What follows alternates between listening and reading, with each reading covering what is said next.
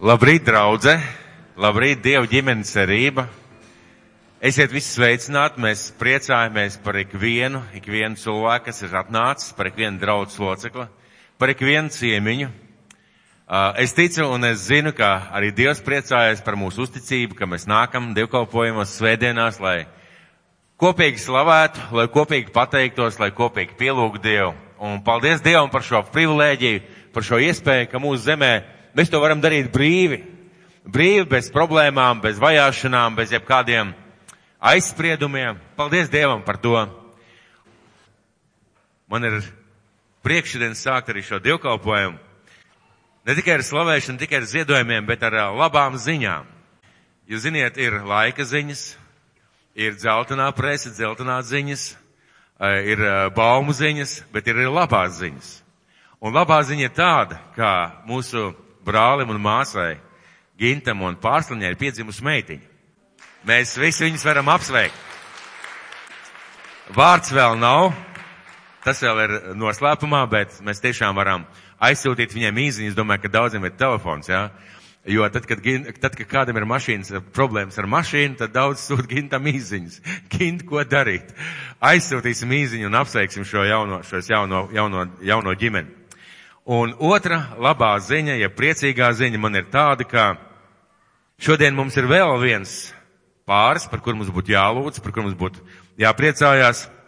Un es gribētu aicināt šeit priekšā divus jaunus cilvēkus. Lielākā daļa viņus pazīst, tas ir Kristaps un Marija Lūdzu. Un par ko mēs šodien runāsim, par ko mēs viņus apsveiksim, par ko mēs lūksim. Jūs ziniet, ka Dievs radīja debesis un zemi. Debesis un zemi neradās pašas no sevis, nekas vispār nerodās pats no sevis, vienīgi hauss. Nezāles izaug pašas no sevis, bet Dievs radīja debesis un zemi. Un Dievs radīja cilvēku. Un kad Dievs radīja cilvēku, bija kāds mirklis, kad uh, viņš redzēja, ka viss ir labs, bet tad kaut kādā mirklī izskatās, ka Dievs negluži aizdomājās, bet viņam radās kāda skaidra doma ko, par kādām izmaiņām. Un Dievs, tas kungs sacīja, nav labi cilvēkam būt vienam. Es tam darīšu palīgu, kas būs ap viņu. Uh, un uh, vīrietis, šajā gadījumā cilvēks un vīrietis, uh, viņš nosauc visus zvērus savās vārdos, putnus, zvērus, visu kaut ko tam, visu radību dzīvo. Un viņš nosauc dažādos vārdos, kā cilvēks nosaukt vienu dzīvību. Un cilvēks nosauc vārdā visus mājas lopus, visus putnus gaisā, visus lauku zvērus, bet viņš neatrada palīgu, kas viņam atbilst. Tas nozīmē, ka cilvēks jau tādu pirms vēl bija ieva, meklēja palīgu, kas viņam atbilst. Un ziniet, šis stāsts turpinās no paudzes uz paudzi, no dzimtas uz dzimtu, no ģimenes uz ģimeni, kā pienāk mirklis, kad cilvēks meklē savu otro pusīti. Līdz viņš sastop šo otro pusīti un viņu starpā izveidojās dziļas, tuvas un mīlestības attiecības. Un uh, tad, kad cilvēks atrod šo, savu, šo otro pusīti, tad uh, kaut kas notiek cilvēkā iekšā. Un varbūt ar to cilvēku, kas gājis tur gadiem ilgi blakus bijis, vai, vai sēdējis vienā klasē, vai vienā draudzē gājis, bet pēkšņi kaut kas mainās, un šīs izmaiņas ir no Dieva. Es zinu un es ticu, ka dievbijīgi, ticīgi cilvēki vienmēr lūdz par savu otro pusīti. Vecāki lūdz par savu bērnu otrajām pusītēm, vismaz mēs ar Sandru tā darām. Cilvēki paši, jaunieši paši lūdz par savu otro pusīti, lai Dievs svētī, un lai tā ir tā, tas cilvēks ir tas, ko Dievs viņam grib, grib iedot. Un Dievs māca, ka šīs attiecības ir ļoti nopietnas. Šodien cilvēki pasaulē bieži rīkojās, izturās vai domā, ka attiecības starp diviem cilvēkiem ir kaut kas tāds gaisīgs, viegls, nedefinējams, bet Dievs māca, Dievs saka, ka šīs attiecības ir ļoti nopietnas, un Dievs māca nopietnību attiecībās. Cilvēki satiekās, cilvēki tā kā saskatās, parādās šī dzirkstelīte, viņi iepazīstās, viņi sāk draudzēties, un uh, ir nopietnas solis, kad šie cilvēki nonāk pie jautājuma, ko tālāk. Un Bībele māca, un Dieva vārds māca, un svētie raksti māca, un svētais gars māca, ka cilvēkam ir, cilvēkiem ir dāvana, jeb ir spēja vai iespēja slēgt šo brīnišķīgo laulību, ko Dievs nosauc par svētu. Un pirmais solis šīs laulības virzienā nav iepazīšanās, nav vienkārši draudzēšanās, kas arī jau zināms tāds ceļš ir, bet pirmais solis ir sadarināšanās. Kad uh, jauns puisis lūdz meitenes sirdi un tikai pēc tam roku. Jo pa priekšu nāk sirds, tikai pēc tam nāk roka. Un otrs, otrs mirklis ir svarīgs mirklis, ka šī meitene saka, nevis es padomāšu, Nu tad jau redzēs, bet šī meitene saka jā. Un parasti tādos gadījumos šis jaunais cilvēks dāvina gredzenu, kā sadarināšanās zīme. Un no šī mirkļa šis, šie, šis jaunais pāris gatavojās tam, lai pēc kāda laika nodibinātu svētītu, dieva piepildītu mīlestības pilnu ģimeni. Bet šajā ģimenes attiecībās vienmēr ir svarīga viena lieta. Jūs ziniet, ka vēstulē korintiešiem vēstulē korintiešiem Dievs māca kaut ko par mīlestību. Un, manuprāt, labākā definējuma par mīlestību nav izdomāts, kā Dievs to ir pateicis. Un šie definējumā Dievs saka tā, ja es zinātu visus noslēpumus, ja man būtu gudrība, ja man būtu spējas kalnus pārcelt, un ja es darītu to, to, to, un ja man nav mīlestības, tad tas nav nekas. Un šajās divu cilvēku attiecībās svarīgākais ir mīlestība. Un laulības ir, Dieva acīs ir akceptējamas, pieņemamas un svētītas tikai tad, ja šo divu cilvēku acīs un sirdīs ir mīlestība. Un tas ir tiešām nopietni. Tas ir tiešām nopietni. No kurienes nāk vārds sadarināšanās? No kurienes nāk vārds sadarināšanās? Vārds sadarināšanās nāk varbūt no dažādiem avotiem, bet mēs, Dievu bērni, mēs kristieši ticam, un zinām, ka vārds sadarināšanās nāk no, nāk no Bībeles, no svētiem rakstiem, no sauciet kā gribiet no Dieva vārda. Un šis vārds sadarināšanās lietots diezgan daudz reizes. Mēs šobrīd runājam par sadarināšanos. Mēs runājam par to, ka mēs šodien šos jaunos cilvēkus uh, uzsaucam jeb svētiem kā, kā līga un līga vaini, kas gatavojās kāzām. Un no kurienes nāk šis te vārds sadarināšanās? Un tas ir ļoti, ļoti nopietni. Un 5. mūzes grāmatā, 20. nodaļā, 5. pāns, ja kādu interesē. Tas ir tik nopietni, ka tad, kad Dievs saka Izraēla tautai, caur mūzu, viņi ir gājuši 40 gadus pa tūkstnes. Viņi ir piedzīvojuši sausumu, bēdas, problēmas, ienaidniekus, dažādas lietas. Un Dievs gatavojās viņus ievest apsolītajā zemē. Viņi ir turpat, turpat pie robežas. Un Dievs saka, tad, kad jūs iesiet apsolītajā zemē, kad jūs dzīvosiet šajā zemē, jums būs kaujas. Jums būs karošana, jums būs dažādi izaicinājumi, jums būs mājas, nāmi, viss kaut kas. Un Dievs dod kādu interesantu pavēlu, par ko šodien es gribētu nedaudz runāt. Klausies, Izraēl, jūs šodien ēt karā pret saviem ienaidniekiem, lai jūs sirds nepaliek bailīga, nebīstieties, nebaiļoties un neliecieties izturināties viņu priekšā. Jo tas kungs jūsu dievs, kas iet ar jums, lai jūsu labā, lai jūsu pašu vietā karot ar jūsu ienaidniekiem un jūs izglābt. Pēc tam, lai virsnieki saka karēviem šādus vārdus. Ļoti uzmanīgi. Runa ir par dieva nopietno attieksmi pret sadarināšanos. Viņi iet zemē, kurā viņiem ir pretinieki. Un varētu likties, Dievs saka, metiet visus spēkus, lai iekarot šo zemi, lai iegūtu, lai izkarot, lai izdarītu. Bet lūk, ko Dievs saka caur mūzu virsniekiem. Pēc tam, lai virsnieks saka karēviem šāds vārds. Vai ir jūsu starpā kāds vīrs, kas ir uzcēlis jaunu namu un nav to iesvētījis? Tas, lai iet un atgriežas savā namā, ka viņš karā nemirst un cits viņa vietā to nesvētīt. Un ja ir kāds vīrs, kas ir dēstījis vīndārus, bet nav vēl baudījis tās augļus, tas, lai iet un atgriežas savā namā, ka tas karā nemirst un cits nebauda viņa augļus. Un ja ir kāds vīrs, kas sadarinājies ar sievu, bet to vēl nav apņēmis, tas lai iet un atgriež savā namā, ka viņš nemirst un cits viņa līga, līgavu neapņem. Dievam ir ļoti nopietna attieksme pret sadarināšanos. Šodien cilvēkiem varbūt nav tāda nopietna. Reizēm kristiešiem nav tāda nopietna. Dievam ir ļoti, ļoti nopietna. Un sadarināšanās ir tāds svarīgs brīdis, kad šie cilvēki viens otram. Un kad šie cilvēki garīgai pasaulē. Un kad mēs kā draudzi viņu šodien svētījam ar skaidru domu un nodomu būt kopā, gatavoties kāzām, dibināt jaunu ģimeni, kuru Dievs var svētīt, kuru Dievs var lietot un kur Dievs ir galvenais viņu vidū. Un šodien mūsu priekšā stāv Kristaps un Marija. Uh, Kristapu mēs esam jau redzējuši no bērnības, tie, kas ir draudzē, uh, zina daudz lietas par viņu. Mariju mēs esam iepazinuši tikai pēdējos trīs gadus, un uh, mums ir liels prieks par šo meiteni. Viņa ir gan kalpojusi šeit, gan viņa arī kalpo tukumā.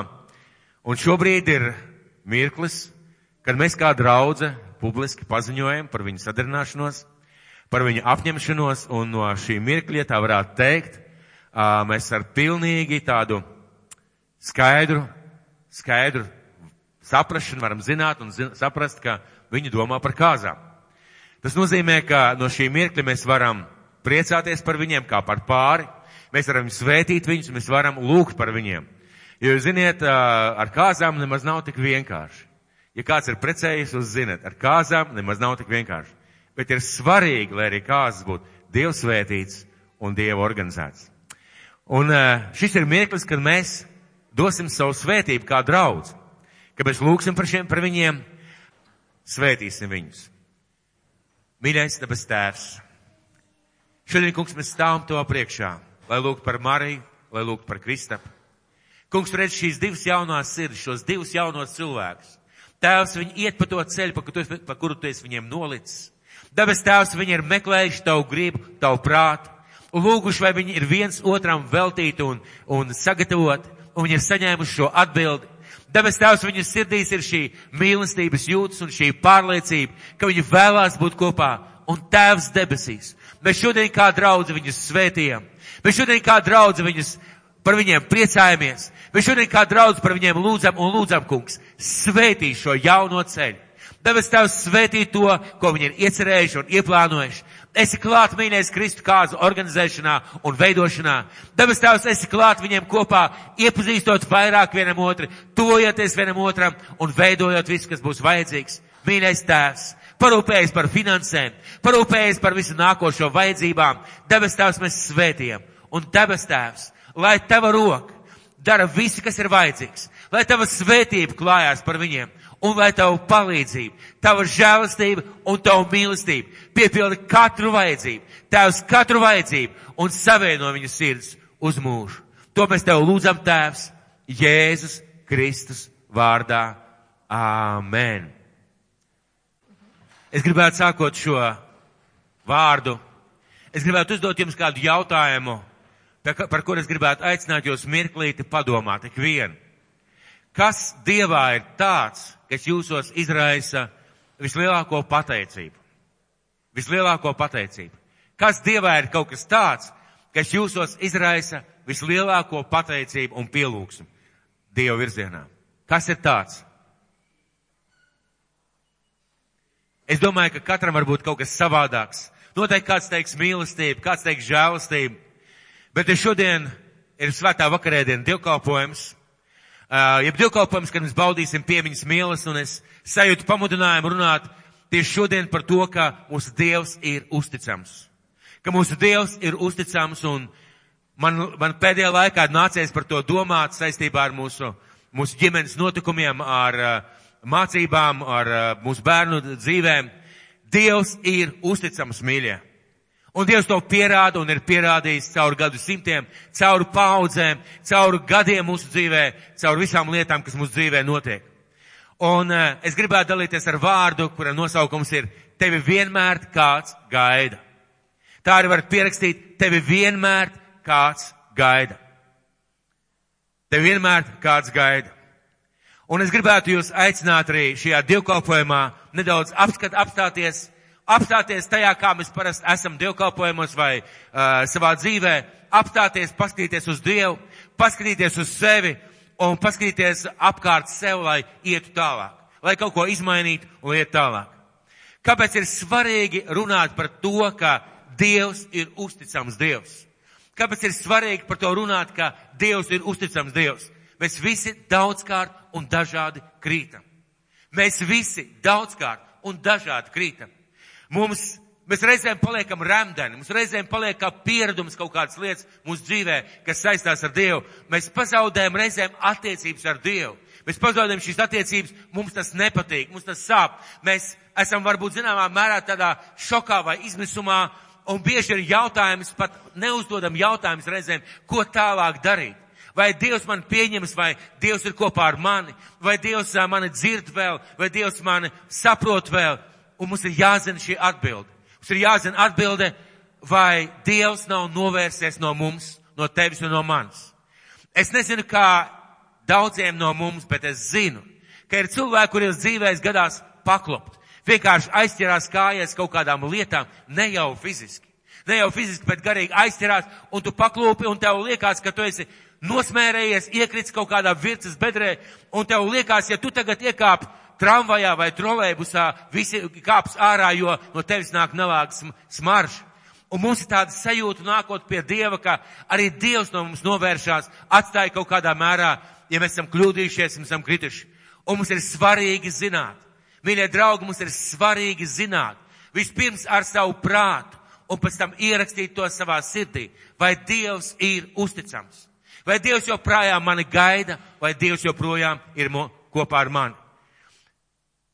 Ka viņš, ka mums ir skaidri jāzina, ka ir kāds, kas ir mūžīgs, visu varens, visu spējīgs, visu zinošs un visur esošs, ko mēs saucam par savu debesu tēvu. Un mums ir jāzina, ka tajā pašā laikā šī personība ir vienmēr kopā ar mums, ka viņš vienmēr mūs gaida atpakaļ pie sevis un ka viņš ir mūsu mīlošais, mūsu piedodošais, mūsu svētījušais tēvs, mūsu labais debes tēvs, mūsu labais debes tēvs. Kāpēc? Mēs zinām, ka vienmēr varam būt kopā ar viņu. Kāpēc mēs zinām, ka mēs vienmēr varam paļauties uz viņu? Kāpēc tādā situācijā, kādu es raksturoju, mēs varam zināt? Mēs varam zināt, ka Dievs nav aizgājis, ka Dievs nav atstājis, ka Dievs nav pametis, ka Viņš mūs pieņems, lai kur mēs būtu un lai kādi mēs arī būtu, ja mēs nākam atpakaļ. Tāpēc, ka viņš pats par sevi ir teicis. Bībelē, svētajos rakstos, savā vārdā un atklāsmē, es esmu uzticams. Dievs pats par sevi pateicis, es esmu uzticams. Esmu žālsirdīgs, esmu piedodošs, es esmu jūsu tēvs. Mēs nespētu iedomāties tēvu, labu tēvu bez, bez tā, ka viņš ir uzticīgs. Paļa, ka var paļauties uz viņu. Mēs nespētu iedomāties. Un tas Dievs, kurš pateica, es esmu. Tas Dievs, kurš teica, lai top debes un zeme. Tas Dievs pats pateica. Tas Dievs pateica, es esmu uzticams. Mēs priecājamies par to, kas mums ir apkārt. Un mēs pateicamies Dievam par to, ka Dievs tik daudz ko skaisti ir radījis. Un ja mēs izējām ārā, mēs nonākam Dieva meistardarbnīcā, kur mēs varam baudīt no tām lietām, ko Dievs ir devis. Mēs varam pateikties Dievam par cilvēkiem, par ģimenēm, par labām lietām, kas ir mūsu dzīvē. Bet tieši tas pats Dievs, kas ir visu to radījis un veidojis, un kas dod mums to baudīt, tieši tas pats Dievs saka, es esmu vā uzticams Dievs. Un kad ir aktuāla uzticība? Kad ir aktuāla uzticība attiecībās? Mīļie, uzticība ir aktuāla attiecībās. Uzticība tiek pārbaudīta attiecībās. Uzticība ir svarīga attiecībās. Par ko Dievs šeit saka? Mēs esam kopā ar tevi. Mums ir attiecības, tu esi mans bērns, esmu tavs tēvs, un tev ir jāzina, es esmu uzticības.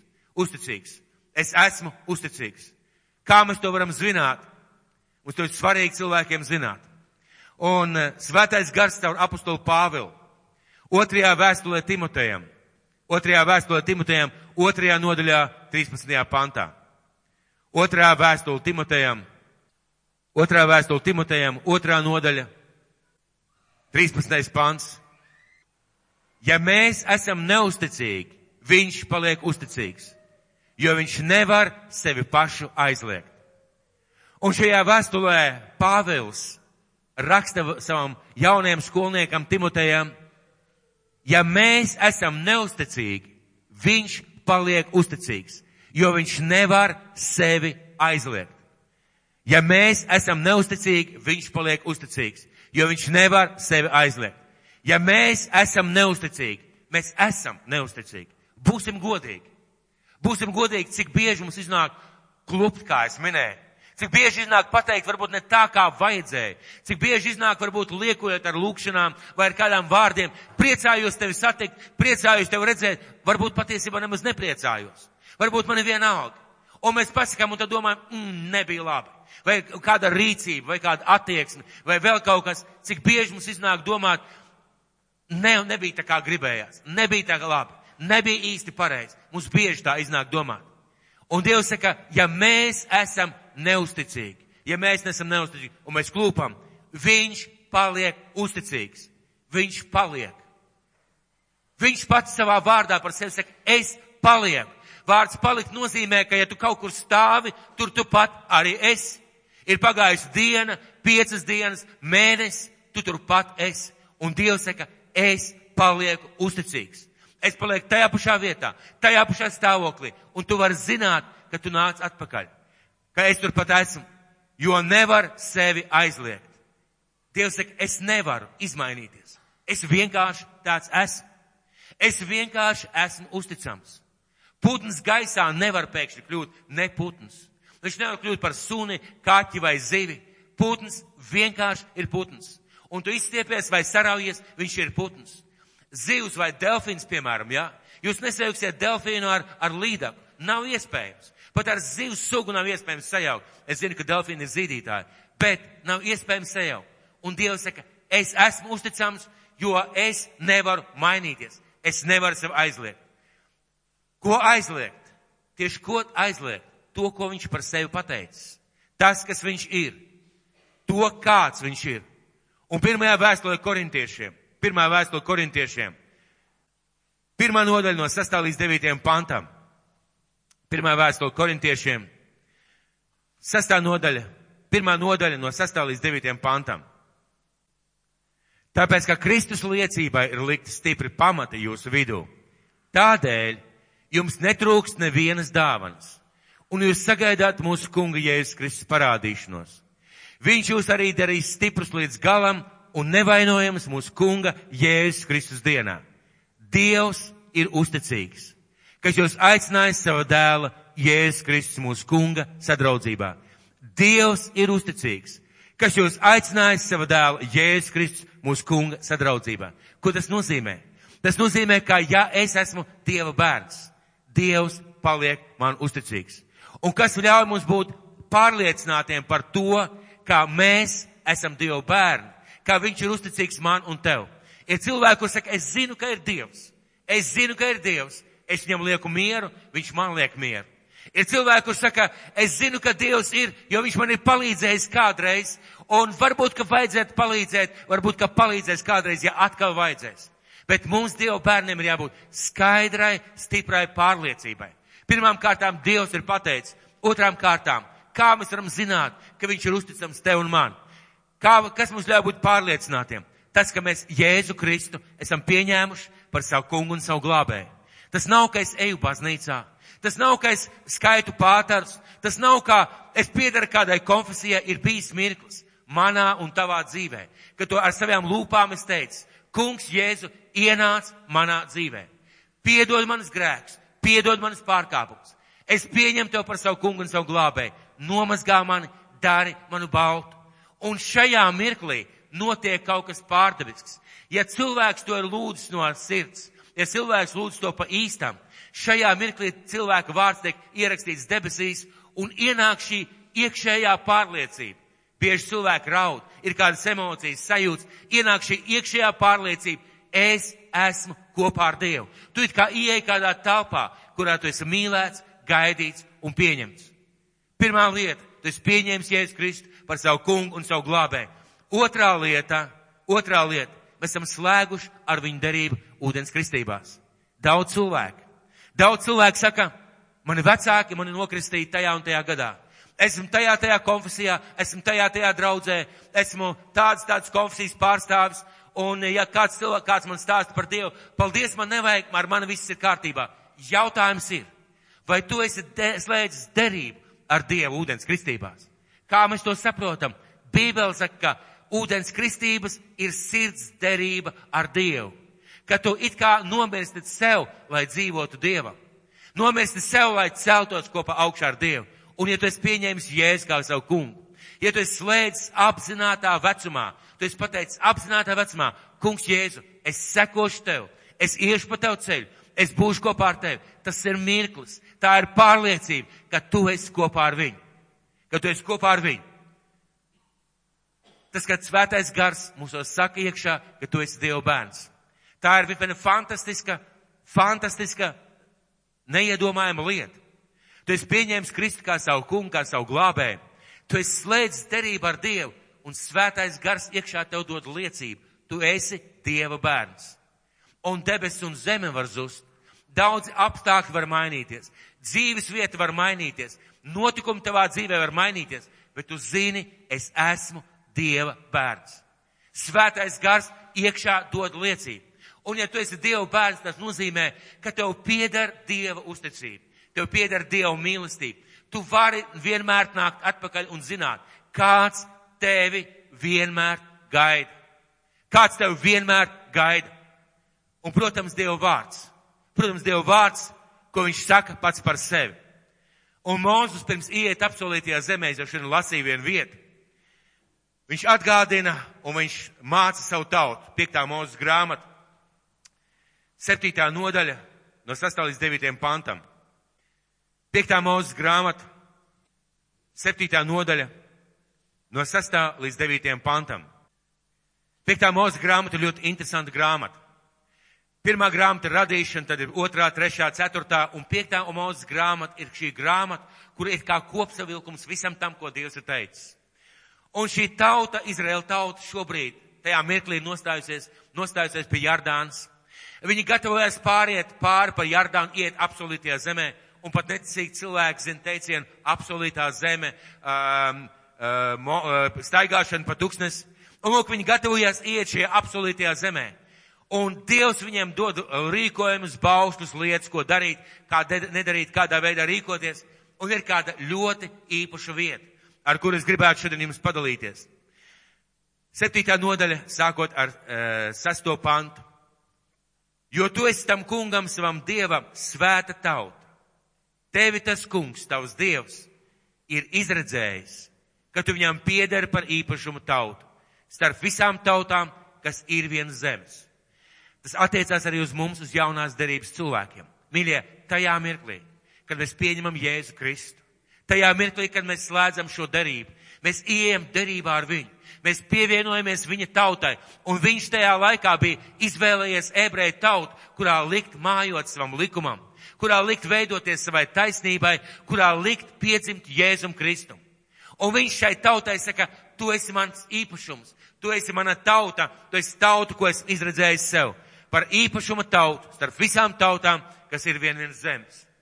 Un nevis tāpēc, ka jūsu pulks būtu lielāks par visām pārējām tautām. Nē, tas kungs jums ir bijis labvēlīgs un ir jūs izredzējis, jūs jau esat vismazākā no visām tautām bet taisni tāpēc vien, ka viņš jūs ir mīlējis. Taisni tāpēc, ka vien, ka viņš jūs ir mīlējis, viņš jūs ir izredzējis, un jums tur solījumu, ko viņš jūs tēviem ar zvērstu ir apstiprinājis. Tāpēc tas kungs ir jūs izvedis ar stipru roku un izglābis no kalpības nama, no faraona, Ēģiptes ķēniņa varmācības. Tad nu tev būs atzīt, ka tas kungs tavs dievs ir dievs, kas ir uzticīgs Dievs. Ir Dievs, kas ir uzticīgs Dievs, kas, der, kas tur derību un dara žēlastību tiem līdz tūkstošam augumam, kur viņu mīl un tur viņa baušus. Tad nu tev būs atzīt, ka tas kungs tavs Dievs ir Dievs, kas ir uzticīgs Dievs. Kāpēc šiem cilvēkiem vajadzēja zināt? Kāpēc šiem cilvēkiem vajadzēja saprast? Kāpēc šiem cilvēkiem vajadzēja iekalt savā prātā un savā sirdī un, un savā pārliecībā, ka Dievs ir uzticīgs Dievs. Ka Dievs ir uzticīgs Dievs. Viņi devās zemē, kur bija pilna ar milžiem. Viņi taisījās iet vietā, kur bija tik daudz nezināmu. Saki man lūdzu, vai tavā dzīvē tu zini, kas notiks rīt? Vai tavā dzīvē tu zini, kas notiks parīt, aizparīt? Mums visiem dzīvē ir kādas lietas, par kurām mēs domājam, varbūt ar tādām zināmu trauksmi vai neskaidrību. Mums visiem ir dzīvē tādas lietas. Un Dievs šai tautai saka, kad jūs iesiet tajā zemē, kad jūs darīsiet lietas, ko es jums teikšu, kad jūs sastapsieties ar saviem pretiniekiem, ar saviem ar ienaidniekiem, kad jūs sastapsieties ar lietām, kas būs uz dzīvē, jums ir jāzina. Kad es vienkārši es jūs mīlu, bet ka esmu uzticīgs Dievs. Tas nozīmē, es jūs neatstāšu, es jūs nepametīšu, es jums palīdzēšu, es jums došu prātu, gudrību un saprašanu. Kāpēc? Jo es esmu uzticīgs Dievs, un es tur, kur stāvu, es tur arī stāvu. Ja esmu teicis, ka esmu uzticīgs Dievs, debesis un zeme mainīsies, apstākļi mainīsies, jums liksies neiespējami, bet jums ir jāzina, es tur stāvu, jo es esmu uzticīgs Dievs, un es nevaru mainīties. Es vienkārši tāds esmu. Jūs cilvēki varat mainīties. Jūs cilvēki varat būt neusticīgi.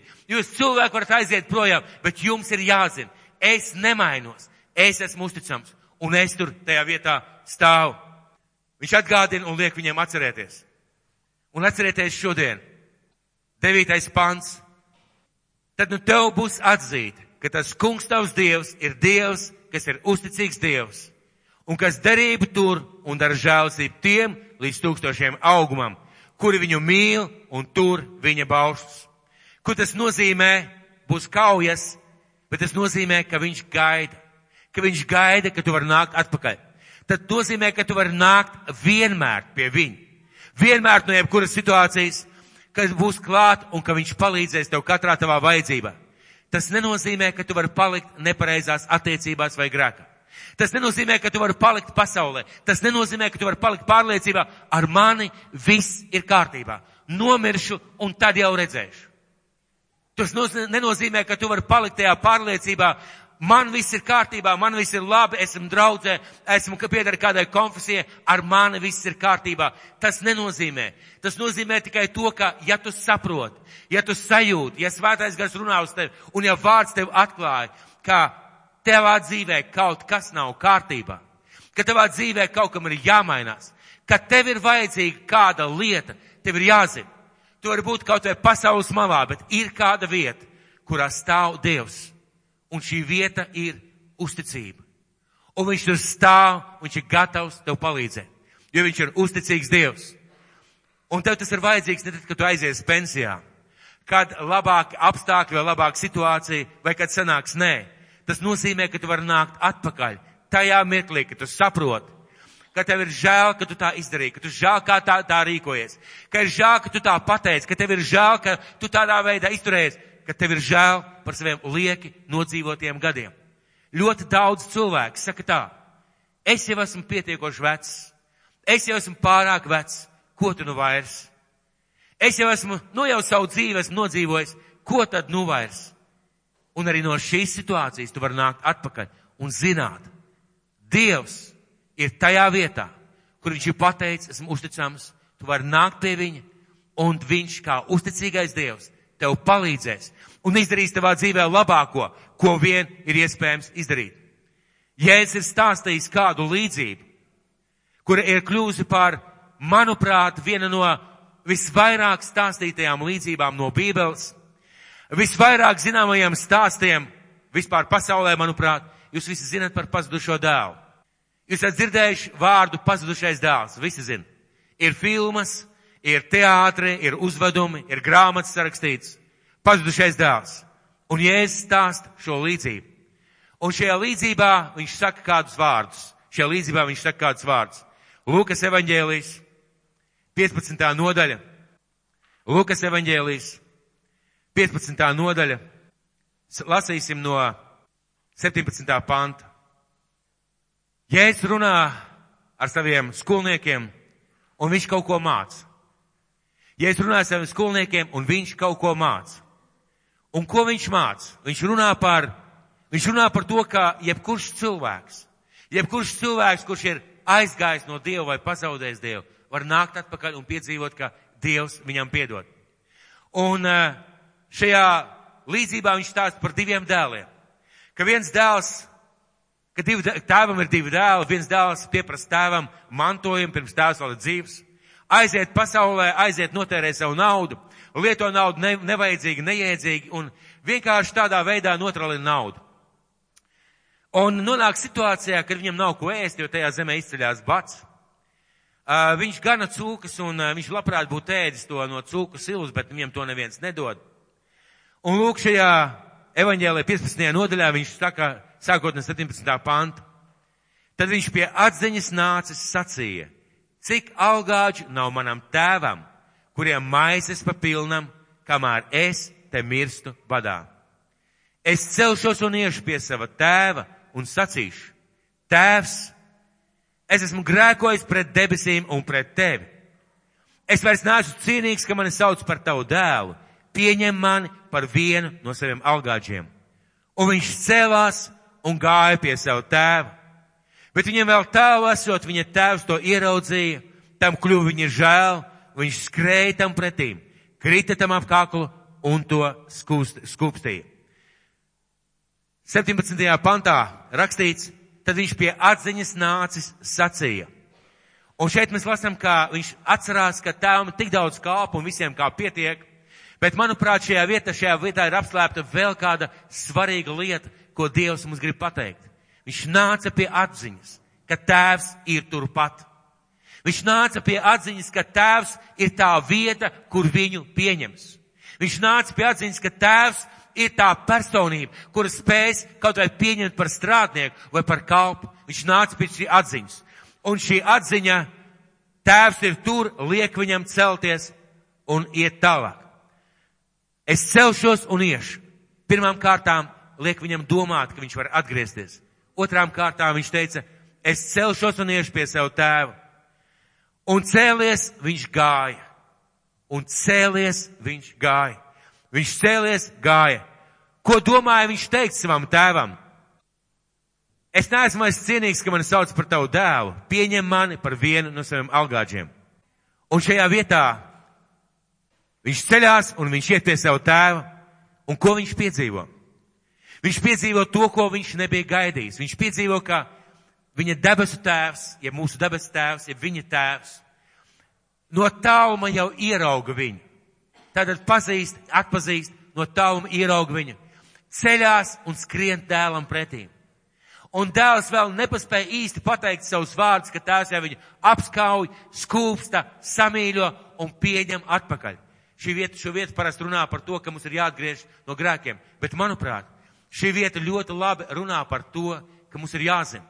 Ir kāds, kas tevi vienmēr gaida. Lai cik tālu tu būtu aizgājis, lai kas mūsu dzīvē būtu noticis, lai kādas lietas mūsu dzīvē būtu notikušas, ir vienmēr kāds, kas mūs gaida. Un 20. pants, un viņš cēlās gāja pie tēva, kā rezultātam tam, ka viņš saprata, ka viņu gaida, bet viņam vēl tālu esot, viņa tēvs to ieraudzīja. Tam kļuva viņa žēl, un viņš skrēja tam pretīm, krita tam ap kaklu un to skūpstīja. Skrēja tam pretīm, krita tam ap kaklu un to skūpstīja. Viņš piedzīvo, ka tēvs viņu pieņem. Vai tēva uzticība viņam palīdzēja? Vai tēva uzticība viņam palīdzēja nenotriekt visu savu naudu? Atbilde ir nē. Vai tēva uzticība palīdzēja viņam neaiziet projām no tēva? Atbilde ir nē.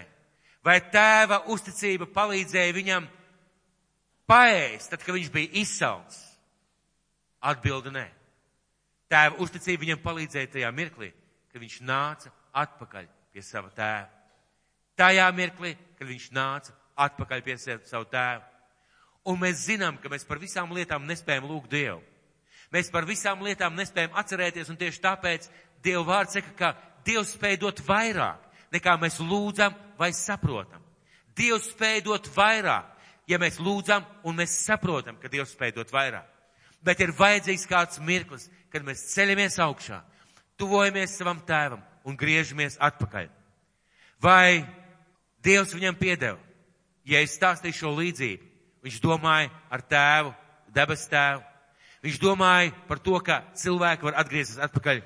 Un viņam kļuva aktuāli, šim cilvēkam kļuva aktuāli šī piedošana. Tad, kad viņš cēlās, tad, kad viņš satika Dievu, tēvu, un tad, kad, viņš, tad, kad tēvs viņu pieņēma. Un šodien atcerēsimies, ka Dievs ir uzticams. Dievs ir uzticams. Un viņš ir uzticams katram, kas pie viņa tverās. Kas katram, kas nāk pie viņa. Un nešaub, mēs varam nešaubīties. Dievs mums var palīdzēt. Katrā situācijā un katrā lietā. Parasti šīs lietas mēs neizrunājam. Parasti šīs lietas paliek kaut kur aiz ekrāna, kaut kur aiz kadra, bet ir skaidri jāzina, ka ir kāda vieta, kur mēs vienmēr esam gaidīti.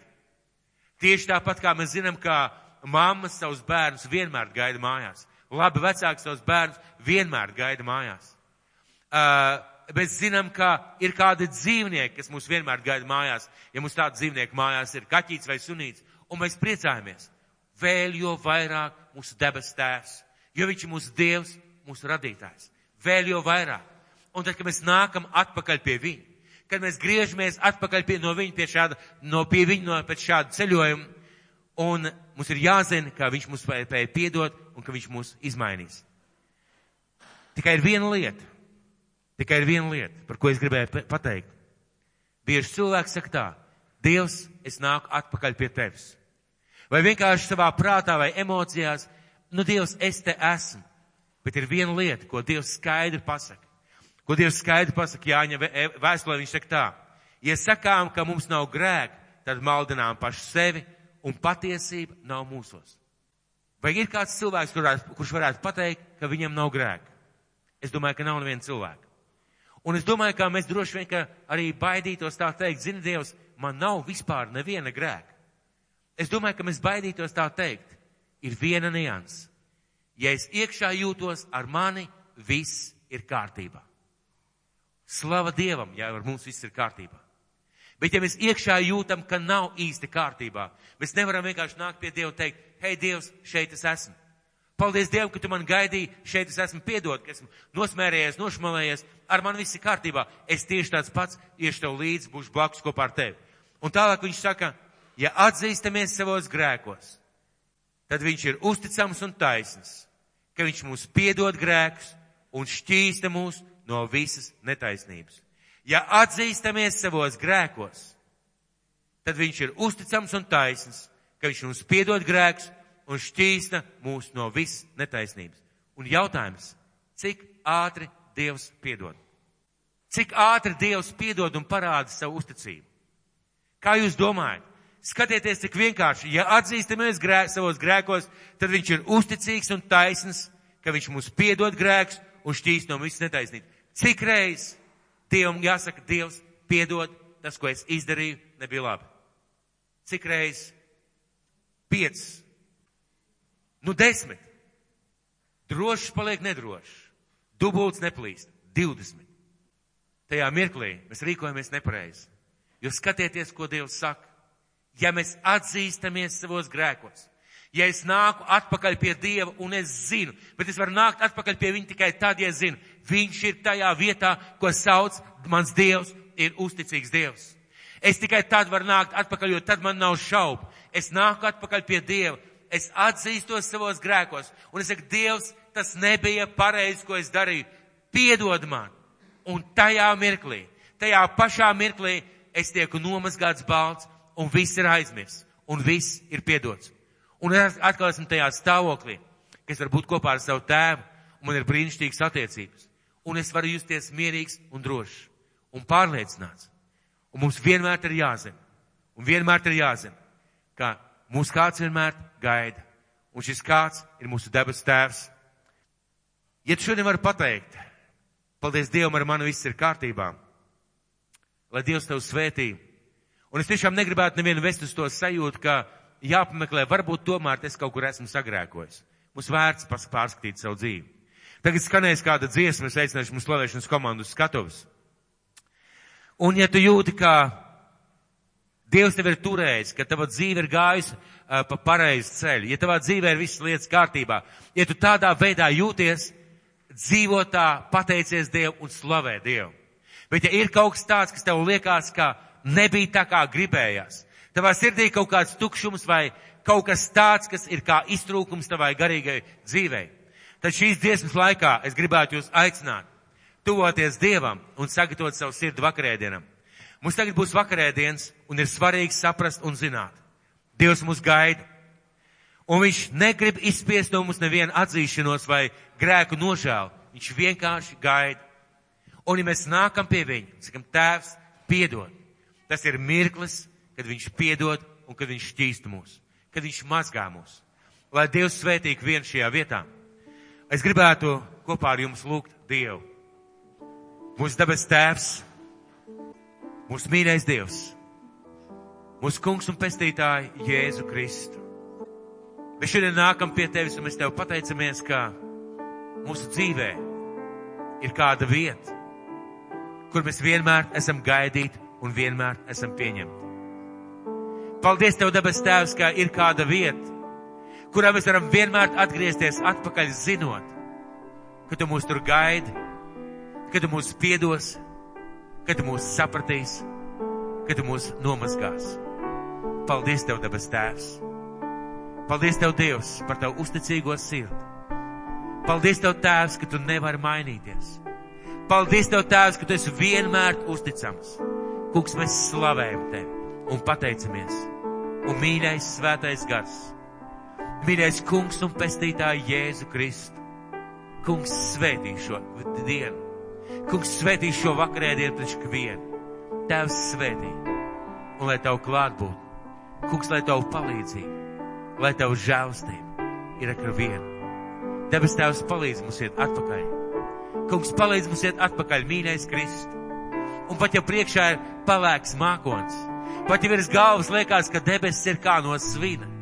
Debes tēvs pat jau liekas, ka mūsu grēku un nepareizās lietas ir sakrājušās kaudzēm, kā maisos, ka mēs nevaram panest. Debes tēvs, tu esi teicis, ka tu esi šeit, lai piedotu, lai nomazgātu, lai notīrītu. Kungs svētī šo dienu. Debes tēvs svētī šo dienu savā žēlstībā. Dievs svētī vienam pieskries, kas ir šajā vietā un lai tava roka un tava svētība ir par ikvienu no mums. Jēzus Kristus vārdā. Amen.